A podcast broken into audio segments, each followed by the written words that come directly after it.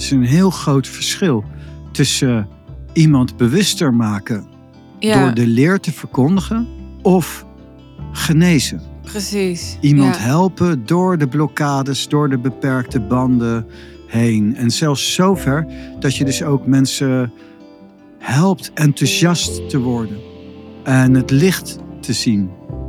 Ja, Dat is heel mooi. Dat gaat veel verder. Dat is veel geavanceerder.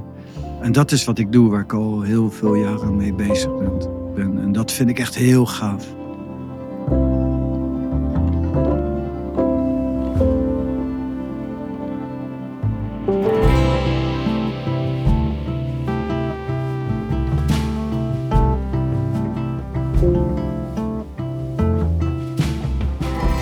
In deze podcastaflevering praat ik met Pranay over het verschil tussen iemand bewuster maken.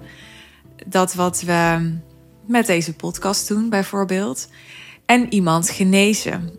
Dat wat we kunnen doen met de mensen met wie we persoonlijk werken in onze groep. Je gaat meer leren over de geneeswijze, over de vijf elementen leer waar Pranay mee werkt.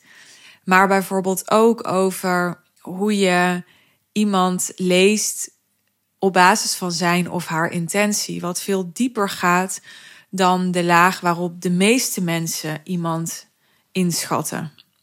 Heel veel mensen kijken oppervlakkiger dan dat je kunt zien, waardoor je veel minder informatie tot je beschikking hebt dan je zou hebben als je veel dieper kunt kijken. En die informatie kun je natuurlijk voor je gebruiken, maar die informatie is ook heel prettig voor die ander. Hoe fijn is het voor iemand als je helemaal wordt gezien in de diepte voor wie je echt bent?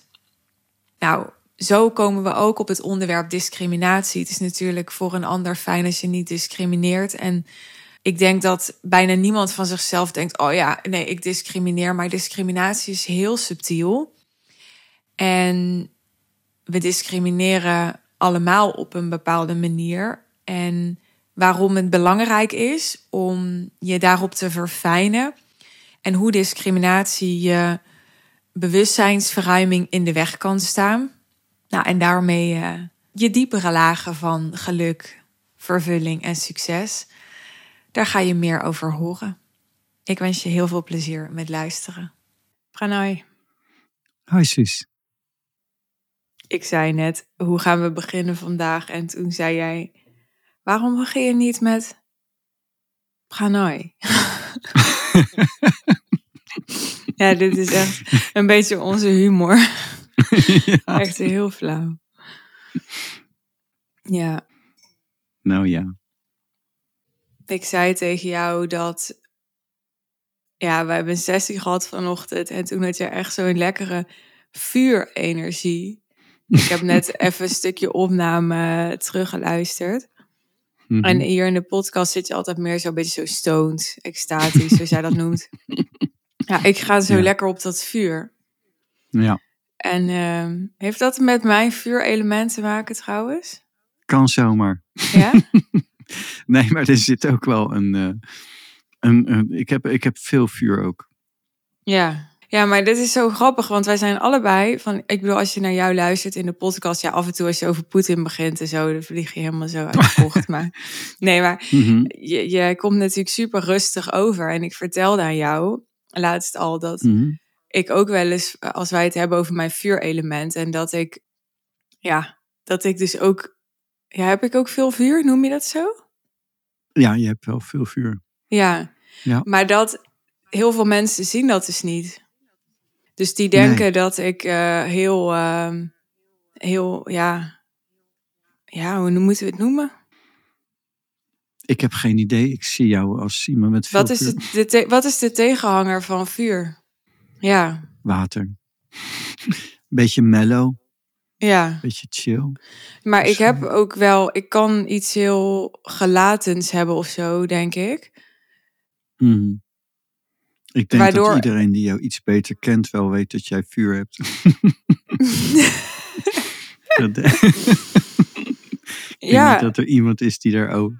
Ja, nou ja, ik zit me dat af te vragen of dat echt zo is, ja. Jij, voor jou is het totaal vanzelfsprekend, maar Ik denk, als je een relatie met hem hebt gehad, dan wel. Maar iedereen daaromheen, Hm. dat weet ik niet. Niet, denk je. Nou ja, in ieder geval, ik kreeg dus wel eens... Ja. Iemand stuurde een keer een berichtje van... Oh, ik wist niet dat je zo'n vuurdraak was. Wat een grappig woord, vuurdraak. Ja. maar ehm, ja, wat betekent het eigenlijk om veel vuur te hebben? Wat betekent op veel vuur te hebben? Dat kun je niet zo 1, 2, 3 zo iets zeggen in die zin. Omdat er namelijk ook, ook vier andere elementen zijn. En dat zijn maar vier basiselementen. Dus veel vuur, dat kan zich op veel manieren uiten. En maar zeg maar, vuur is wel dan ook bijvoorbeeld. ehm, jij, jij, jij zegt ook van. Ja, wat is het dan om veel vuur te hebben? In een bepaalde dynamiek, in een bepaalde intentie. Ja, En ehm, daar zit het in. dus als jij, als ja, en ook als je iets niet bevalt, ook al probeer je dan wel netjes te zijn of zo, maar dan zie je in he- heel jouw intentie, zie je gewoon van, nou, dat vindt ze echt, echt helemaal niks. Ja, maar jij gebruikt dan het woord intentie. ja, uitgesproken, ja. Maar dit is, dit is het precies. Want veel mensen kunnen denk ik die intentie niet lezen. Het begint er al mee dat voordat ik met jou werkte, gebruikte ik bijna nooit Mhm. het woord intentie. En jij gebruikt het de hele tijd. Nou ja, Dan is de bedoeling dat je nu gaat uitleggen wat jij bedoelt Wat met intentie is. intentie. Snap je? ja, Ja. dat vermoed ik al. maar ik vind het leuk, want zoals ik dan zo reageer, dan zie ik jou in het vuurelement, ook zie ik jou wat meer vuur, fiery worden. En ik vind het wel vermakelijk, wel grappig om te zien. Dus het is ook een beetje teasen, denk ik. Ik weet Zo on- onbewust of zo, maar nou. Je intentie van zijn is ook inderdaad. Kijk, je kan bijvoorbeeld vuur zijn. Zo, ah, eh, en, en, en het kan, dat is wat over, dat is een overdreven vorm van vuur misschien, maar ehm, nou ja, je kunt ook eh, wolken zijn. En, en bijvoorbeeld wolken is van, eh, het is zo mooi, zo mooi allemaal. Ja, wolken, wolken is, ja, dat, dit, dit is wat mensen, zeg maar, stereotyp spiritueel noemen, toch? Ja, dat zie je dan wel. Nou, ik vind dat niet, maar dat zie je Nee, wel veel maar- vaker in ja. de spiritualiteit. Ja, inderdaad. Maar daar heb ik volgens mij heel weinig van. van wolken. Daar heb je niet zoveel van. Nee, niet in die vorm. Nee. Dus ik heb vuur, Nee. ik heb aarde, toch? Ja, we hebben allemaal alles, maar en dat heeft dus een bepaalde intentie. Ja. En ik, ik, ik, eh, ik maak er een karikatuur van, eh, Ja. een, een mogelijke karikatuur, om dat vorm te geven. Dus dat je dus in verschillende intenties kunt zijn. En dus hier zo noem je al, ja, ben je wat meer mellow, ik ben wat meer. En privé kan ik veel meer, zeker als je in de geneeswijze of zo moet een beperkte band of zo, dan, dan, dan gaat dat soms gewoon behoorlijk pittig. Ja, en er is ook geen andere vuur, ja. mogelijkheid. Ja, inderdaad. Is het ook zo, ja, ik vind dit dan heel interessant, maar is het ook zo dat, dat als je dus zelf veel vuur hebt, gaat dat juist goed met iemand met veel vuur of gaat het juist botsen? Of kan je dat niet zo zeggen? Nee, dacht ik al. Nee. Nee. Ik weet nog, ja, dat komt nou opeens in me op, geen idee waarom, maar als klein kind had ik van die oppasmeisjes, weet je wel, die dan op mij oppassen als mijn vader s'avonds ging tennis of zo. En dan hadden we van die hele uitgesproken meiden soms, die heel, nou, die waarschijnlijk, zoals ik er nu naar kijk, ook veel vuur hadden. Dus met Mhm. veel, dus dat zeg maar veel power in. En ook van die timide meisjes en zo. Nou, die timide meisjes, die zo klein als ik was, ik kon die wel schieten. ik, ik kan dus echt agressief worden bijna als mensen heel weinig vuur hebben. Wat is dat?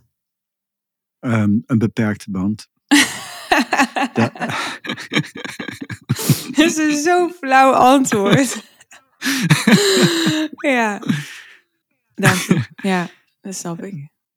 Want het is het verhaal van het beheren. Dat is ook al antwoord op je vorige vraag. Zou vuur vuur samen kunnen?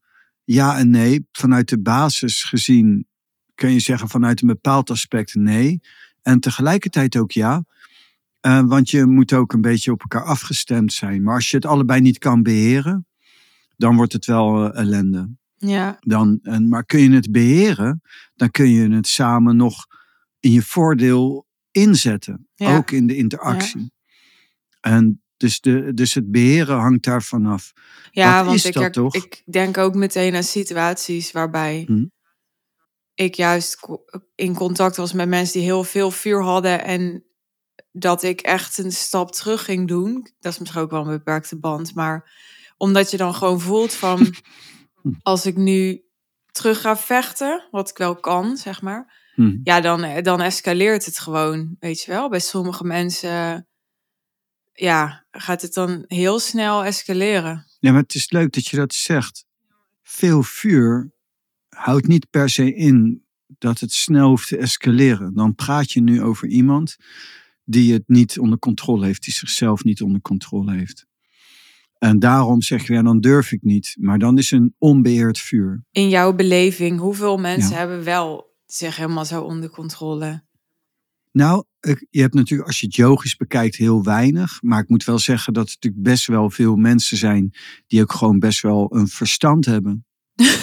en dus met hun, met hun verstand weten ze gewoon van, nou, dit zijn gewoon bepaalde fatsoensnormen, weet je wel. En ik, eh, je gaat niet verder dan daar. Maar dan heb ik dus weinig verstand.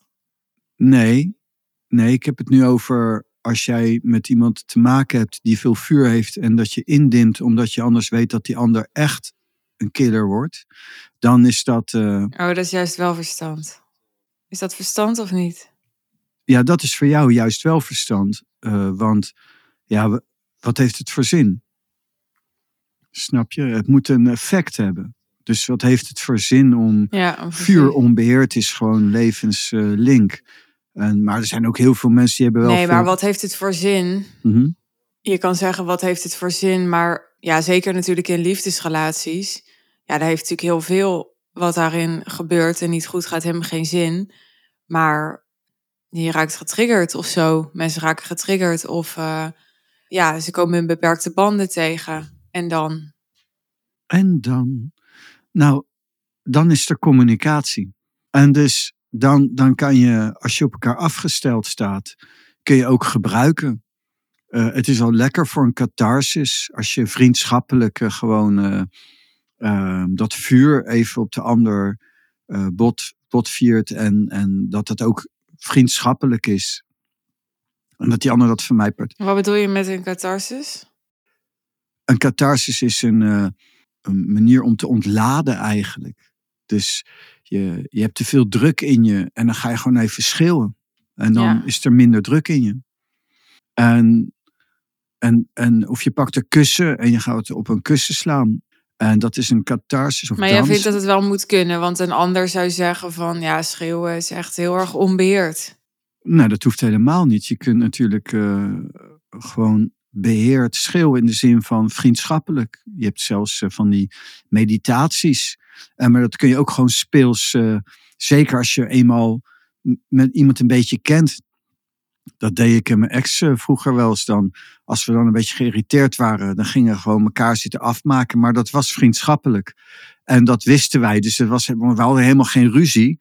Ehm, maar anderen die erbij stonden, als ze er wel eens bij stonden, die dachten van zo, dat gaat hard aan toe. Maar wij hadden dat niet. Nee. Intern niet. En dat, is, dat kan je, ge- dat gebeurde trouwens later ook wel. Het is ook mijn ex, maar Ehm, ik wou zeggen, eh, maar- van, waar is het fout gegaan? Ja. ergens anders. Ja. Maar wezenlijk eh, is, is dat heel leuk. Dat is heel leuk. Ja. Oké, maar we waren bij eh, vuur en aarde en je hebt dus alle vijf. Ja, je hebt, je hebt vanuit de basis, vanuit de, ik denk vanuit de vijf elementenleer. En dan heb je vijf elementen. Maar bijvoorbeeld mijn vader, die eh, heeft wel eens gezegd van... eh, ja, jij bent echt iemand die de confrontatie aangaat. Mhm. En eh, ik ben meer iemand van... ja, hij is diplomatieker, zeg maar. Dat is echt een verschil tussen ons. En heeft dat ook te maken met vuur? Ja, heeft ook een soort vuur te maken. Maar bijvoorbeeld, eh, mijn dochter heeft rechten gestudeerd en die werkt nu bij het OM.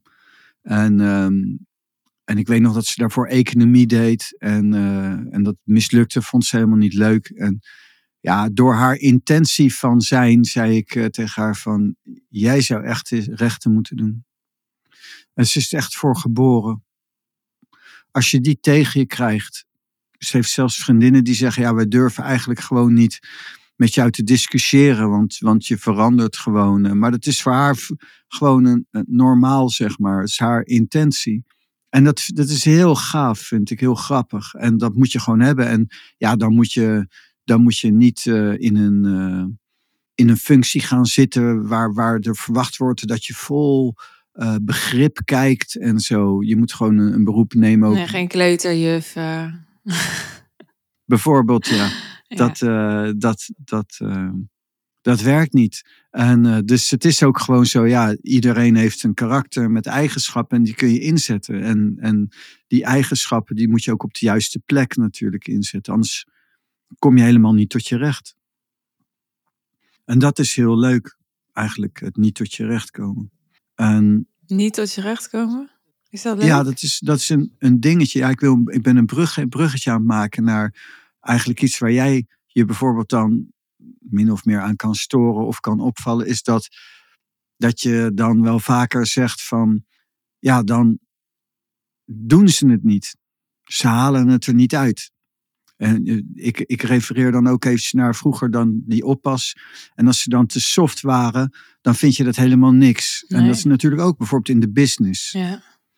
Um, ja. Kenmerkend voor jou is ook dat je zei, ja, ik doe het. Ik deed het gewoon ook vroeger al. En en daarom bereikte ik het ook. En ik begrijp niet waarom mensen het niet doen. Dat is echt een dingetje van jou. Maar ja, als jij dit zegt, dan, dan verbaas ik me daar weer over. Omdat jij altijd tegen mij zegt: Je bent zo lauw. Je bent...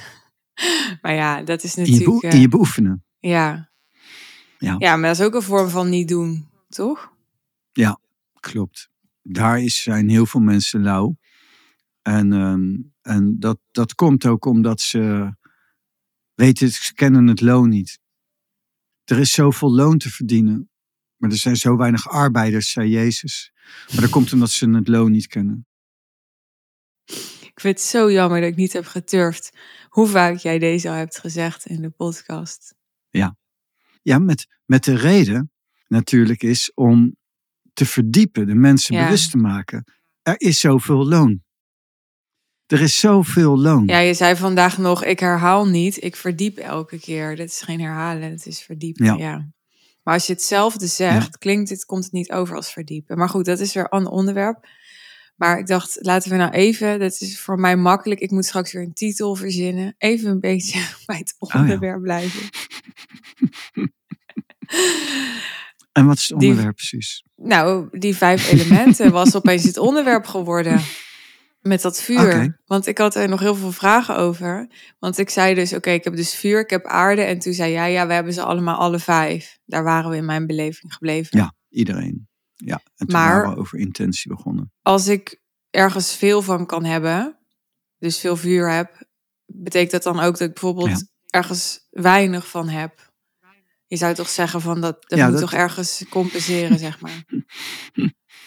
Ja, dit, dit is te theoretisch. Uh, maar, Die wolken dus, oké. Ja, je hebt bijvoorbeeld dan vuur. Nou, laten we gaan naar inderdaad vuur en uh, metaal. Die, die vormen een, een, aan de binnenkant van de vijf elementen cyclus, de leer, een, uh, een verbinding. Maar ook water. En water is die makkelijker te begrijpen. En dus als je te veel vuur hebt, dan vuur, begrijp je al, verdampt water. En dus het, het, het, tekort wat heel snel ontstaat, is dat mensen dan het gevoel kunnen krijgen dat je te koud bent. Dat je, dat je niet oh, genoeg ja. gevoel hebt. Ja, dat heb ik heel veel gehad, ja. Ja, daarom, daarom ga ik daar naartoe ook. En, en dus dat is een tekort dan als het ware in water. Of in de geneeswijze hebben ze dan over dat water te koud is. En, um, en dan denk je van, wat zeg je nou? Het is tegenovergestelde. Nee, Water verhit, correctie vuur, verhit water, waardoor water verdampt. En daardoor is er minder water. Maar als je, als je losdenkt, moet je ook beseffen dat daardoor water koud wordt. En dan bedoel ik, water wordt koud, dat de emoties koud worden. Omdat er geen brandstof meer is voor de emoties. En dan heb je gewoon niet meer de energie om erop te reageren. Als mensen een emotionele reactie van je willen, heb je niet de energie om emotioneel dat te bevestigen of ook te erkennen. En, en dat is dus een koudheid in water, zou je zo kunnen zeggen. En dat is, ehm, en dat is bijvoorbeeld een, een, een, iets wat snel gebeurt bij, bij veel vuur. Maar niet de wet is. Het hoeft niet te gebeuren. Veel vuur kun je ook beheren.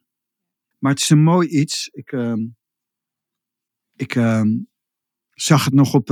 ik, heb, uh, ik heb heel veel boeken thuis. Ik ben echt gek van boeken. En een inleiding over de Taoïstische filosofie, gewoon een basisboek, maar wel heel mooi. En, en, en daar staat dan op over hart. Bijvoorbeeld, uh, er is een onderdeel van in de Tao en dat noemen ze wuxin. En dat is het zonder hart zijn. En dat is ook te vertalen als lege geest, lege hart. Staat op de achterkant van een boekje van uh, inleiding in de Taoïstische filosofie. En dat is heel mooi, het zonder hart zijn. Dus er is ook een, um, een weg en een belangrijk iets, zin, zonder hart zijn. Maar zonder hart zijn is niet koud. Zonder hart zijn is een positief iets in de taal. Een leeg van zijn. En als je veel vuur hebt, moet je ook zonder hart kunnen zijn. En dat klinkt dan weer heel erg tegenstrijdig voor de mind. Om warm te zijn. Om ook compassievol te kunnen zijn. Veel vuur in het hart maakt een, maakt een ramp. En dan, dan, is het, dan is het zo wat je zegt: van je komt iemand tegen, die heeft veel vuur, maar pas op, want die gaat je echt, uh, die maakt je echt af. Trump heeft dat bijvoorbeeld, Donald Trump. Die, uh, die heeft heel veel vuur, uh, maar als jij in zijn weg staat, dan breekt hij je. Dat is fout. Dat is, um, dat is niet leeg van zijn. Voor, vanuit de taal is dat fout. Maar dat, dat, dat is het verhaal. Zonder hart zijn maakt warm. En dat is in de taal is telkens yin-yang, ja maar nee. En dat is natuurlijk voor de denkende geest heel verwarrend. Maar het is heel aanvullend. Net als vuur, dat verhit water. En daarom verdampt het. Er wordt water koud. Nee, nee, dan moet dat water warm zijn eer dat het verdampt. Ja, dat is zo vanuit de natuurwetten, maar vanuit de Taoïstische wetten is dit wel zo. Want minder water is koud, emotioneel. Ook al is het water heet. En dat komt heel tegenstrijdig over. En is dit de geneeswijze ook? Dus is dit ook. Ja, dit is de geneeswijze. Dat als mensen. Uh, nou, bijvoorbeeld hè, bij ons in de groep komen met mm -hmm. um, ja, vraagstukken, uh, patronen. Ja. Dat jij dan op basis van deze vijf elementen dus, nou, bijvoorbeeld uh, in mijn geval te veel aan vuur, mm -hmm. dat te veel aan vuur geneest? Juist, dat dus door, door manier van antwoorden, door manier van reageren, door manier van spreken, uh, zet je de genezing in. Dus ik ben in een latere fase vanuit de Chinese geneeswijze, shiatsu. Ik ben begonnen met massage, magnetiseren, shiatsu. En uh, ben ik overgegaan naar het coachen, de holistische kant. En inspreken. En dat is heel gaaf. Bijvoorbeeld. Ja, ik vind dat echt heel mooi. Hoe je dat doet is echt, ja, ja dit vind ik echt. Uh, omdat het, het is, zoals ik ja? het ervaar, denk ik wel eens, jij, je moet, jij gaat dan echt spreken vanuit de geneeswijze. En dat is een soort rol. Het is een soort, het is, ja. je praat al niet vanuit jezelf, maar vanuit, maar het is zo natuurlijk dat ik nog steeds, elke keer als ik jou dat zie doen, ik weet inmiddels hoe het werkt. Maar je vergeet dat het geneeswijze is op een bepaalde manier. Het is zo natuurlijk. Ja, klopt. Dat komt omdat ik niet mijn persoon ben, kan ik ook mijn persoon beheren. Ja. En dus als je niet vanuit beyond kijkt, dan is mijn persoon levensecht. Want ik, be, want ik bestuur vanuit erachter mijn persoon. Je bent niet je persoon. En dus dat is het verhaal ook van uh, wat ik net zei. Het zonder hart zijn is eigenlijk beyond hart zijn. En dan kun je je hart inzetten. En als je te veel in je persoon zit, dan is er liefde, maar ook haat. En dan krijg je te veel ellende. Maar voorbij kun je je persoon gewoon inzetten. En dat doe ik dan zo levensecht. Dat, dat de ander die zegt van nee, maar ik zie het toch. Ik heb het gezien. Je, doet, je bent dan toch boos. Of je Ja, doet dan toch zus. ja, Of je doet ja. ook zo. En van ja, dat is voor als je oppervlakkig kijkt. Kun je het niet onderscheiden. Ja, Maar als je in de diepte kijkt. En zeker als je natuurlijk in jouw geval vaak bij zit. Dan, dan zie je gewoon ja, maar dit, dat, dat is hij niet. nee. Dan- dan- Nee. Maar het is zo echt. Ja, ja het is En dat waar. is gaaf. Ja, En dat is echt door woekzin, beoefening van woekzin, zodat je voorbij je persoon. ja, ik vind het super fascinerend, omdat ik toch vooral ken alle coaching die met woorden is. Dus ik weet natuurlijk systemisch werk en hypnotherapie, al die dingen. Maar alle coaching die met woorden is, die, ja, die gaat toch heel erg over dat eh, iemand door erover te praten en door gespiegeld te worden door een coach, ehm, tot nieuwe inzichten komt. En dan met die inzichten, maar het heeft iets indirect. Maar omdat jij gewoon direct die geneeswijze erop toepast. Snap je wat ik bedoel? Ja, ja het Is is, dat- echt heel iets anders. Is echt, ja, maar voelt voor mij ook veel effectiever. Is het ook? Dat is misschien een waardeoordeel, maar ja. Nee, dat is ook waar. Er is een heel groot verschil tussen iemand bewuster maken Ja, door de leer te verkondigen of genezen. Precies. Iemand ja. helpen door de blokkades, door de beperkte banden heen. En zelfs zover dat je dus ook mensen helpt enthousiast te worden. En het licht te zien. Ja, Dat is heel mooi. Dat gaat veel verder. Dat is veel geavanceerder. En dat is wat ik doe, waar ik al heel veel jaren mee bezig ben. ben. En dat vind ik echt heel gaaf. Dat is voor mij de geneeswijze. Jij zegt iemand helpen bewuster te worden door de leer te verkondigen. Laatst kreeg ik ook een vraag van iemand en die zei: Wat bedoelt hij eigenlijk met de leer? Ja, Is dat de vijf elementen leer? nou dat is een, eh, dat is een, eh, een onderdeel van de leer van de gele keizer. Dus eh, ik ben begonnen met de Chinese geneeswijze. En dat is naar aanleiding van Nai Ching. En dat is een eh, boek, eh, die, dat is eigenlijk de leer van de gele keizer. En dat is eh, de bijbel van de acupuncturisten en de genezers. En het is echt bizar. Die man heeft een, een boek geschreven over de geneeswijze. Het is echt zo goed. Zo verschrikkelijk. Zo verschrikkelijk veel kennis en, en inzichten. En het is bizar, want het is al eeuwen, eeuwen geleden geschreven. En er is niets van eh, wat achteraf blijkt na al die eeuwen dat het niet klopt. Het is echt briljant. Het is echt zo mooi. En daarvanuit is ook het Taoïsme onder andere eh, ontstaan.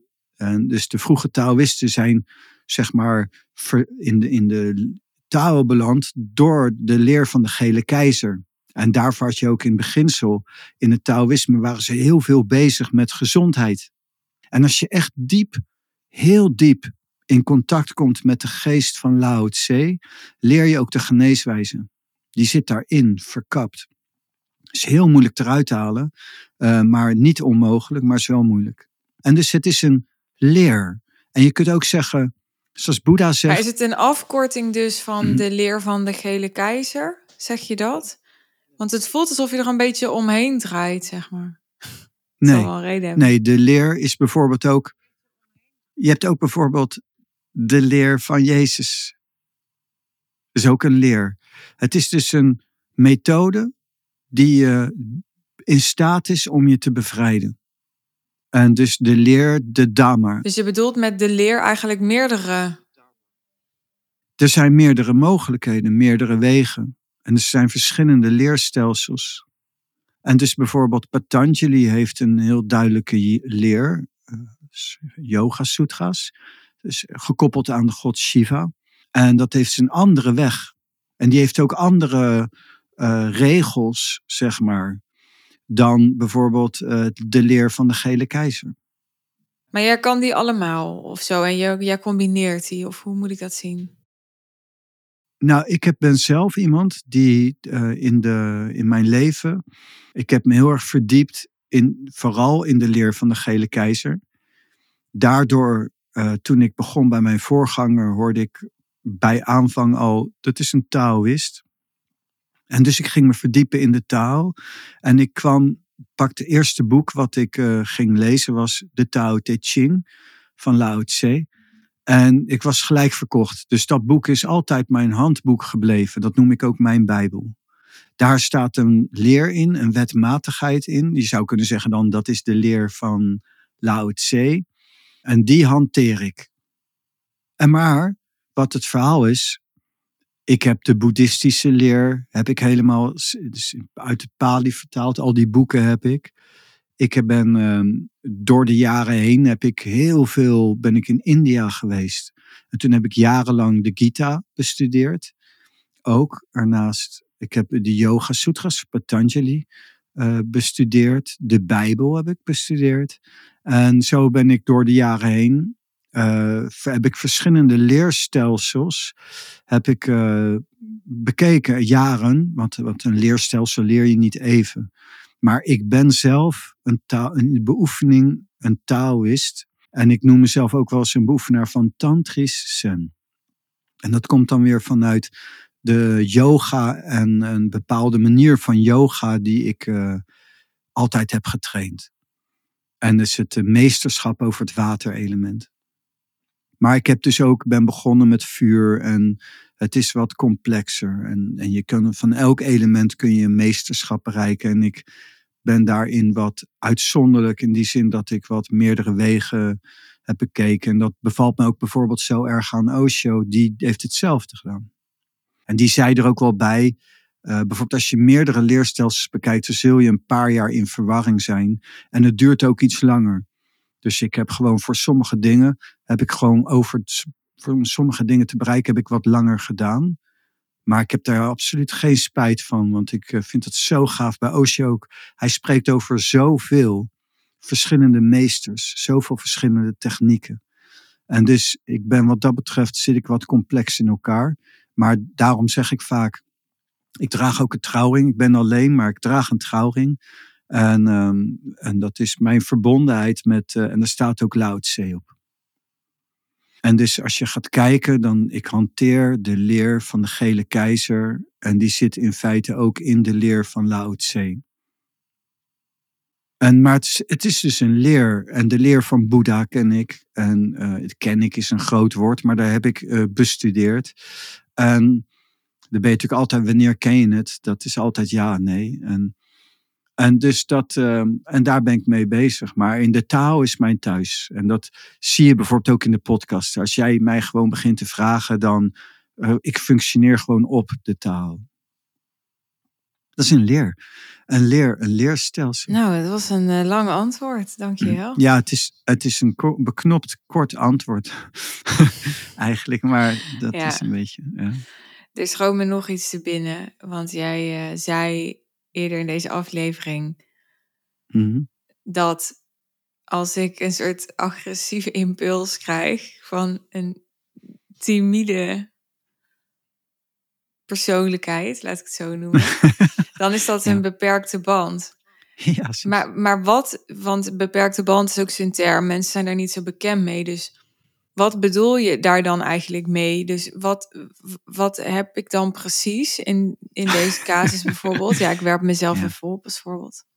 Ja, kijk, een beperkte band is heel kort gezegd alles wat je afhoudt van een open, vrij bewustzijn. In de ruimste zin van het woord. Dus dan heb ik het over een verlichte Boeddha, een godheid. En alles wat ertussen zit is een beperkte band. En dus een beperkte band kan zijn een wond, een trauma of wat dan ook. Uh, maar dat is niet alleen een beperkte band. Als ik noem beperkte band, zeg ik niet je bent verwond, je bent getraumatiseerd.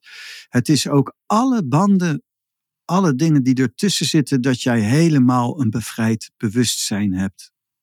En jij zegt, ik raak geïrriteerd. En dan is jouw innerlijke ruimte die verkleint. Maar het moet juist verruimd zijn en niet verkleind zijn.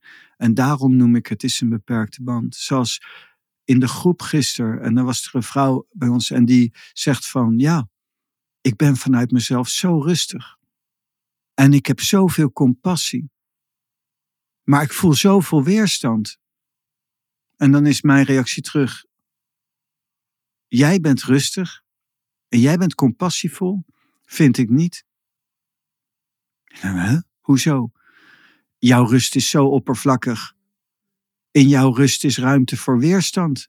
Maar als weerstand in jou zit, waar is je rust dan? En als jij dan nog steeds betitelt dat jij rustig bent en compassievol bent, maar je hebt weerstand, waar is je rust? Dat is zo oppervlakkig. Nou ja, maar, ja, maar dat is het. Mensen die kijken naar rust en daarom zien mensen denk ik ook vaak mijn vuur niet omdat ik in mijn gedrag heel rustig kan zijn en zelf juist best wel timide kan zijn. Um, ja, waarom lach je nou? Ja, dat ik het zo. Ik begrijp wel wat je zegt, maar ja. Jij vindt dat raar? Ja. Nee, maar bijvoorbeeld, ik heb um, elf jaar of zo ben ik naar een sportschool geweest. Ben ik gestopt toen, ik, um, uh, toen het corona was. En ik heb me wel eens gerealiseerd, ja, ik kom hier al elf jaar of zo, loop ik hier naar binnen en naar buiten. Maar ik, ik, ik praatte daar eigenlijk, nou ja, ik, als ik zeg ik praat daar nooit met iemand, is niet helemaal waar. Want op een gegeven moment ging ik drie, vier keer per week Zumba doen. Er kwamen heel veel dezelfde mensen en dan sprak ik ze wel. Maar van nature, dat is mijn timide kant, zeg maar, duurt het... Ik ben niet heel toegankelijk. En ik heb ook niet iets heel uh, spontaans of zo. Ik weet niet goed welk woord gaan te geven. Waardoor mensen die mij jarenlang zo daar hebben gezien en mij uh, niet um, heel erg druk hebben zien praten, eh, hebben zien lachen daar, hebben zien die. En ook niet, je kan ook nog zeggen, nou, je kan je vuur zien doordat je in de sport heel erg uitsloof, maar dat doe ik denk ik ook niet. Dus dan dan is alles aan mijn gedrag aan de buitenkant is dan best wel rustig. Snap je wat ik bedoel? Ik geef nu even het voorbeeld van de sportschool, maar ik kan meer settings bedenken, heel veel settings. En dus. Ja, dan moet ik denken als je. Ja. Ja, dus denken mensen dan dat ik rustig ben. En, en dat is ook, denk ik, met die vrouw in die groep van. Ze gedraagt zich rustig, ze praat rustig. De woorden uit haar mond dragen een soort compassie uit. Dus is de conclusie, ik ben rustig en compassievol. Ja, dat is een beetje oppervlakkig gekeken. Uh, want als ik alleen al zie, ik, ik, bedenk maar iets wat toevallig in mijn hoofd komt. De manier waarop jij een theezakje uit je thee haalt. Zoiets simpels al, dan zie je in alles dat vuur. Oké, okay. ja. En, nou, en ja. dus dan als je dat zegt, dan schiet me ook te binnen. Ik kan het niet verbergen, dus. nee. En een groot zondaar kan door voor een heilig als hij maar zijn mond houdt. Dat is wat me dan te binnen schiet. Ja. Um, als je dat zegt. Maar als je, als je kijkt naar de intentie van zijn, als ik bedoel, zo de manier waarop je bijvoorbeeld een theezakje alleen al uit je thee haalt. Uh, dat is echt verbluffend. Uh, voor mij, zeg maar. verbluffend zo, zelfs. Die, ja, dan zit zo dat vuurelement in een bepaalde dynamiek. En dat je gewoon ziet van oké, okay, dat is duidelijk. en dus, ja, ze zouden dan eens moeten kijken, zou ik zeggen, als je gewoon een deur open doet of zo, ik doe maar wat. En, ja. dan, en dan kan je het al zien.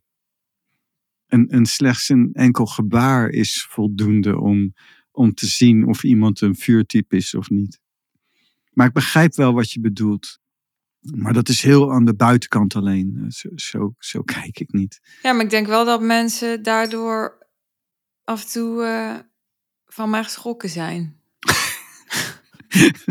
ja, dat denk ik ook. Ja. En dat vind jij dus heel raar. Dat ze geschrokken zijn, ja, dat, dat zie je gewoon aan dat de mensen niet zo diep kijken. Niet, niet, niet, niet diep kijken. En uh, niet, niet waarlijk kijken naar iemand, naar iemands intentie. Daarom noem ik ook intentie. Ja, als je alleen het uiterlijk kijkt. Ja, dus voor mij, ik had, ik had, ik had namens scheiden had ik een vriendin en daar had ik het eens over. En toen, ja, werd ik me van bewust dat, uh, over van, Dan had ze het over iemand en dan zei ik van ja, maar die, die is helemaal niet zoals jij zegt. Als je dat ziet. Maar die persoon kende ik zelf niet. Zeg maar hoe kan je dat dan weten? Want ik had dan wel gelijk, zeg maar. Hoe kan je dat dan weten? Dat zie je aan niemands intentie. Ja, dan zei ze, maar dat zie ik niet. Ik zeg, ja, maar hoe kan jij dan, hoe kan jij dan iemand aantrekken? Hoe kan jij dan bepalen met wie je in zee gaat? Ja, dan kijk ik naar de kleding. Uh, of iemand verzorgd is. Of ik zeg, wauw. Ja, maar dat, dat is zo belachelijk in mijn wereld. In mijn, dat is niet voor te stellen. Dat, dus, maar dat is waar. Ja, kleding is ook wel heel oppervlakkig. Maar ik denk dat... Uh, ja, wat, wat het het allergrootste misverstand over mij altijd is geweest op social media, is dat mensen denken dat ik oppervlakkig ben. Omdat ik van lippenstift hou, omdat ik mijn haar blondeer, omdat ik nepnagels heb.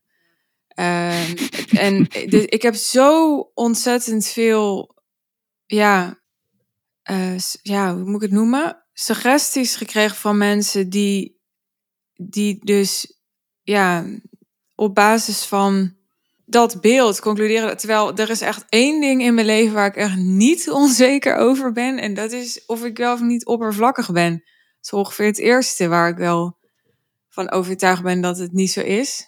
Misschien voor jou uh, maatstaven, maar. Uh, en ik, natuurlijk, mensen die mij dan langer gaan volgen en die mijn teksten lezen en zo. En, maar zelfs dan ja, maar dat is natuurlijk heel veel zo. Dat is waar we het over hebben. Mensen kijken dus alleen naar het uiterlijk. En ma maken daar dan een plaatje op. Ik had dus een gesprek met Baba. In India, Sai Baba. En ik was... Uh, ik had als kind wel vaker astraal gereisd. Maar meer bij toevalligheid. Dus uh, dan was ik aan mediteren of er gebeurde er iets. En dan belandde ik buiten mijn lichaam. En, uh, dan, en dat had ik wel vaker meegemaakt. Maar op een gegeven moment zei ik tegen Baba van... Uh, Baba, hoe kan ik eigenlijk dat leren dat je gewoon... Er zijn yogis die kunnen gewoon op hun wil hun lichaam uitstappen. Nou, dat is Baba mij gaan leren. En uh, dat heeft hij verschillende... Dat is een traject geweest, zeg maar. Dus niet een keer, dan heeft hij me niet gezegd... Dan moet je dat doen. Maar een, een, een onderdeel daarvan zei hij van zat hij tegen mij te praten. Zegt, moet je je voorstellen, inbeelden. Ik zei, oké, ik ga inbeelden. Hij zegt, er rijdt een man op een Harley. Harley Davidson. Oké, heb ik. Check. Uh, die heeft een leren broek aan. Harley, leren broek. Man, heeft een baard. Baard, tuurlijk. Een tato op zijn arm. Tuurlijk, tato op zijn arm. Helemaal, helemaal plaatje compleet. En toen zegt hij op een gegeven moment, zegt Baba tegen mij, wat denk je? Zou die man bier drinken? Ik zeg, ja, natuurlijk. Hij zegt, dat is discriminatie. Onderschat dat niet. Denk niet. Maak daar niet opeens een plaatje van dat het een of ander dom iemand is die als je boe zegt dat hij in elkaar gaat slaan of wat dan ook, dat hij bier drinkt. Daar, en dat, door die, die, vormen van discriminatie in de subtiliteit kun je niet astraal reizen. Waarom kan je niet astraal reizen als je dat niet kan? Omdat je je laat uh, verleiden door de vorm. En dan zie je een vorm en dan trek je daar conclusies aan. En als jij naar je lichaam kijkt en jij zegt, ja, ik ben mijn lichaam, dan kan je ook niet je lichaam uit, want je bent je lichaam. Maar het moment dat jij diep genoeg beweet dat jij niet je lichaam bent, maar een ervaring, zeg maar, in je lichaam, kan je ook astraal reizen. Maar laat je je verblinden door het lichaam, kan je ook niet astraal reizen. Dat is een. En dat is heel subtiel, ja. Ja, dat is natuurlijk heel subtiel. Dat vond ik heel mooi. Denk je, drinkt die bier? Ja, tuurlijk. Daar ga je de fout in. En dat gebeurt hier natuurlijk heel veel. En de mensen die oordelen heel snel. Maar het is toch ook weer niet, ja, ik ben maar gewoon eerlijk, maar het is ook weer niet zo raar. Ik bedoel, als ik mensen op straat zie lopen, dan, uh, dan heb ik wel heel snel een beeld daarbij van. Uh... En dat is je probleem. En dat vormt beperkte banden. Daarom is je bewustzijn niet ruim. Daarom krijgen we vanuit de yogische wereld gezien, is dat zo? Ja, nou ja, ik wil al bijna gaan zeggen, maar heel vaak krijg ik dan wel ook soort van gelijk of zo. Snap je wat ik bedoel? Nee, dat denk ik niet. Mm, ja. Dat denk ik niet. ik denk dat het in ook heel veel gevallen een wish-fulfilling prophecy is. Vroeger uh, waren. Ja, maar even, oké. maar even. Als iemand hier om in mijn straat loopt die 250 kilo weegt. Ja, dan kan ik toch wel de aanname doen dat hij onderweg is naar de snackbar. Dat hoeft natuurlijk niet zo te zijn. Maar er is iemand gaat natuurlijk niet zo met 250, snap je? Er zitten toch gewoon wel dingen in die komt toch niet uit de lucht vallen. Ja, maar het zijn de meest oppervlakkige dingen. Maar bijvoorbeeld, dan ga ik verder. Je noemt dit mhm. voorbeeld. Dan loopt hij naar de snackbar toe. Denk je dat die man verslaafd is aan zijn zinnen? Dat denk ik, ja. Dat denk je. Wat houdt dat in voor zijn IQ? Zou zo'n man slim zijn? Die kan heel slim zijn, ja. Die kan heel slim zijn, maar ook heel dom zijn, omdat hij verslaafd is aan zijn zinnen. Dat is waar, ja. Maar dan gaan we dieper kijken vanuit de yoga. Is zo'n iemand wel verslaafd aan zijn zinnen? Dan denk jij, dan denken de mensen van, ja, hij is verslaafd, hij kiest daarvoor. Maar lees, het kan zijn, zoals in de Bijbel staat, dat God als straf iemand overlevert aan zijn vijand. Is hij verslaafd aan zijn zinnen dat hij zelf gewoon als een blinde gewoon alleen maar denkt eten, eten, eten? Of zit hij innerlijk aan de andere kant en is hij zelf onzeker, depressief over zijn eigen eetpatroon, wat hij niet onder controle krijgt? Is hij dan degene die verslaafd is aan zijn zinnen? Of is hij degene die overgeleverd is aan zijn vijand en daar zelf ook van baalt? En dus in de diepte is hij ook niet verslaafd. Zelfs een verslaafde is wel of niet verslaafd en niet verslaafd. En dus kun je niet zeggen hij is verslaafd aan zijn zinnen tot een bepaalde diepte. En sommigen kiezen daar helemaal voor, maar sommigen ook echt niet. En dus dan heb je opeens meer onderscheid.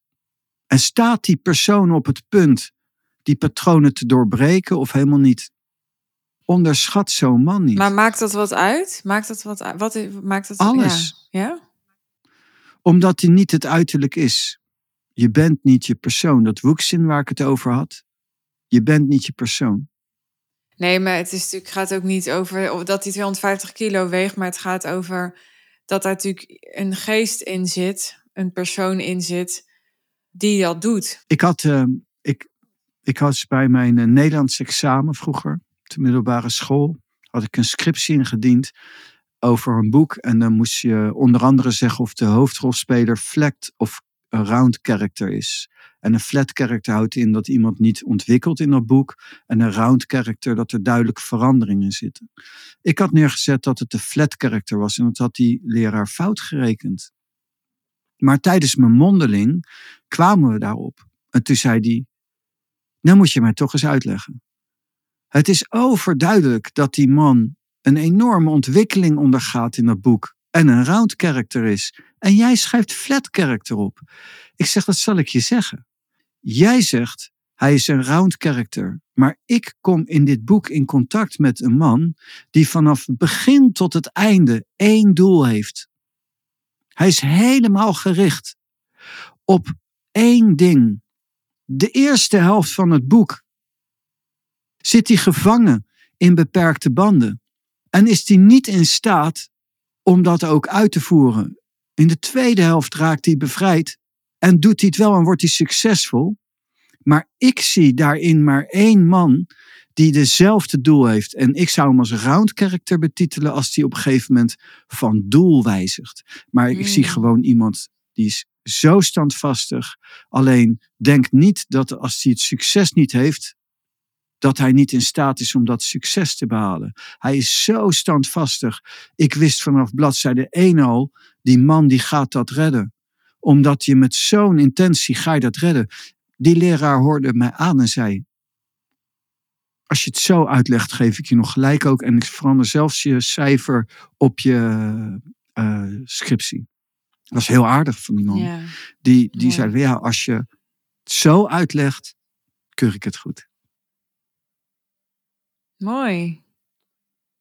Dank je. En dus Als jij tegen die dikke man in jezelf zegt, die gaat naar de snackbar, dat is denigrerend, niet iets wat de lading dekt en dan voed je die man zelfs op zijn negatieve patroon. En dat is discriminatie. Dus, wat dan wel? Je zou een open geest moeten hebben. Boekzin, een open geest. Je moet daar niet iets bij denken. Je hoeft alleen maar te kijken. Je kunt waarnemen dat hij dik is, dat is een feit. Maar dat hij op weg is naar de snackbar, dat is een aanname. Al doet hij het. Nou ja, mijn vader zei altijd, sorry pap, maar die zei vroeger altijd, ja, bijna altijd als je een dik mens ziet, dan is hij aan het eten. Dus dit is een, even een ander verhaal. Want je, je kan invullen dat iemand op weg is naar de snackbar. Maar doordat mijn vader dat zei, ging ik daarop letten. En dat is wel vaak waar. En dan, is Ja. het, dan zie je dat natuurlijk gebeuren. Maar letterlijk. Ik heb het over een waardeoordeel. Dus dit is een uiterlijk feit. Iemand die heel dik is, zal daar wat voor moeten doen. Natuurlijk eet hij veel. Eh, maar ik wil dieper gaan, met diep kijken. Gaat zo'n iemand naar de snackbar, zelfs als die loopt, als die daar naartoe loopt, zeg ik, denk niet zo. Want dat is discriminatie, al of het nou waar is of niet. En dat geeft beperkte banden. En Mm. vergeef ons onze schulden zoals ook wij onze schuldenaars vergeven. Maar dat gaat veel verder dan alleen maar hij is fout. Mm. Al zeg je van nee, maar dat mag hij wel doen. Oké, dan mag hij dat doen, maar het gaat verder. Het is subtieler. Dat oordelen is veel subtieler. Ik Ja. dacht vroeger ook, en dan was ik op, eh, bij, mijn, bij mijn leraar, bij mijn voorganger. En dan hadden ze het eens over discrimineren. Maar zover ik me kan herinneren in mezelf, heb ik nooit gediscrimineerd. Dus ik heb nooit dat idee gehad van negersturken of wat dan ook, zoals mensen Mm. kunnen spreken. Dat, dat heb ik gewoon niet. En dat ervaar ik in ieder geval niet bij mezelf. En toen dacht ik van, eh, nou, ik kan me hier wel van distancieren van deze discussie, want dit gaat mij gewoon niet aan. En toen keek iemand me aan die zei, ja, maar dat gaat veel verder dan alleen Mhm. maar dat. Ja. Het gaat veel subtieler. Ja. Ja. En dat is gaaf. En als je daarin gaat uitblinken in de nuances, kun je ook astraal reizen. Het is een ten grondslag liggend proces waar je in kunt uitblinken. En, en dat is echt de verdieping. Waarop de, we kunnen niet zeggen tegen mensen: ga nu zitten en probeer je lichaam uit te gaan. dat wordt een ramp. Ja, dat lukt niet. Nee, doe! En, en dan kan je wel meehelpen. Er zijn wel methoden, maar ze zijn ook weer heel rigoureus vaak en eenmalig en zo. En, dus dat, dan kan je iemand zijn lichaam uithelpen, maar dat is niet de bedoeling. En, maar wat, wat kan iemand wel beoefenen?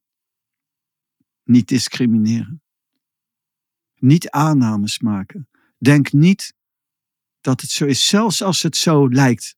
Letterlijk als al loopt hij de snackbar in. Denk niet dat de persoon die daarin zit, die snackbar in is gelopen. En dan, dan ga je anders denken. Dan ga je ook echt geïnteresseerd raken in de diepte van de mens. En dan is iedereen interessant. En dan is iedereen de moeite waard om vergeven te worden. Maar niet vanuit een zweverig van, nou ja, maakt ook allemaal niet uit. Laat hem vrij. Laat hem, maakt ook niet uit. Het zijn allemaal mooie mensen. Nee, niet op zo'n manier. Er Niet zitten vanuit de wolken. beesten onder de mensen. Nee, precies. Maar wel vanuit de diepte. Dat wel. En dat is eh, belangrijk. We leven in een multiculturele samenleving. En we proberen een multiculturele samenleving te worden. Maar ik denk, zolang we de nadruk leggen op dat we een multiculturele samenleving moeten zijn, dan gaat het niet lukken. We moeten de eenheid vinden Ja. van de mensheid. Ja. Het mens zijn. ja, in multi zit al een, eh, een differentiatie. Hè? Ja, en dan kunnen we zeggen: nee, maar je mag dus niet noemen dat iemand bruin is, zwart. Ja, maar dat is iemands huidskleur. Dat is het probleem niet. Het probleem is als je denkt dat die dan geen mens is of anders mens is. Daar zit het probleem. En door een overdreven nadruk te leggen op je mag niet het woord zwart gebruiken, activeer je discriminatie en dan maak je de situatie alleen maar erger. Mensen zien er anders uit. Je hebt groot, klein, man, vrouw, dik, dun en, en mooi, lelijk en zo. Dat is normaal en dat is goed. En, maar het is niet zo dat iemand meer of minder waard is dan de ander. Dus zolang wij denken aan het multiculturele, komen we er niet uit. We moeten gaan naar de eenheid van het mens zijn daarachter. Dan is het zo opgelost. We zijn allemaal gelijk. Maar niet in het uiterlijk. Maar innerlijk wel. Volgens mij hebben we een rond verhaal. Ja, we hebben een rond verhaal, precies. Is mooi. Heb je nog een slotwoord? Nee, ik wil het aan jou vragen. Heb jij nog een slotwoord? Ik uh, denk dat mensen die geluisterd hebben naar deze aflevering zich nu best wel afvragen: hoe zit dat met mij en die vijf elementen? Heb ik ook een veel aan iets en een weinig aan iets? En zou ik iets meer moeten beheren? En, en, en, en, en. Mm Wat is een, uh, een eerstvolgende stap voor die mensen? Om bij ons in de groep te komen? Of uh, wat gaan we tegen ze zeggen? Ja, Lao Tse zou zeggen het innerlijk land verkennen. Je moet geïnteresseerd raken in je wie ben ik. Het innerlijk land verkennen. Dat is uh, wat je dan kunt doen in, in meditatie naar, of gewoon met aandacht naar binnen keren. En, en gaan kijken. Zonder te denken, gewoon kijken. Zonder daar een conclusie aan te trekken, bijvoorbeeld vanuit de podcast van vandaag niet, niet er een oordeel aan te, te geven, niet een conclusie aan te trekken, maar gewoon waar te nemen. Wie ben ik? Waar zit dus ik? Dus niet meteen gaan roepen, oh ik heb ook veel vuur of zo. Dat is niet constructief, zeg jij. Dat mag, maar, maar jij zegt de intentie, oh ik heb ook veel vuur. Zo, daar zit bijvoorbeeld in een, een, een, een goed of slecht. Maar je kunt gewoon constateren, constateren dat je veel vuur hebt. En je kunt ook constateren dat je dat misschien niet kan dragen of dat je niet goed bent. Maar daar hoef je niet over te oordelen. De wet is niet bedoeld om te oordelen, maar om te bevrijden. Maar niet goed klinkt als een oordeel. Juist, dat bedoel ik. Er is, er is natuurlijk iets dharmisch en er is iets adarmisch. Als je zegt er is niet goed en er is niet slecht, er zijn zwevers die zeggen iedereen is goed. Nee, die zijn gewoon mensen, zijn gewoon beesten. Uh, maar je moet wel beseffen dat in de diepte ze wel goed zijn, maar in de realiteit van dit moment zijn ze overgeleefd, zitten ze in een beperkte band. En daarom moet je wel, dat moet je wel kunnen zien. En dat ook kunnen, je conclusies daaraan te trekken. Maar niet met oordeel. Maar wel met onderscheidingsvermogen. Er is een verschil tussen discrimineren of onderscheid maken. En nu is, geloof ik, elk onderscheid wordt in één adem gekoppeld aan discrimineren. Maar dat is niet zo. Ja. Er zijn mensen donker, er zijn mensen wit. Dat is niet discrimineren, dat is gewoon, dat kun je zien. En er zijn mensen dom en er zijn mensen lelijk en dat kun je zien. En dat is niet discrimineren. Discrimineren is als je daar iets, een conclusie bij zet, aanzet. Dat is anders.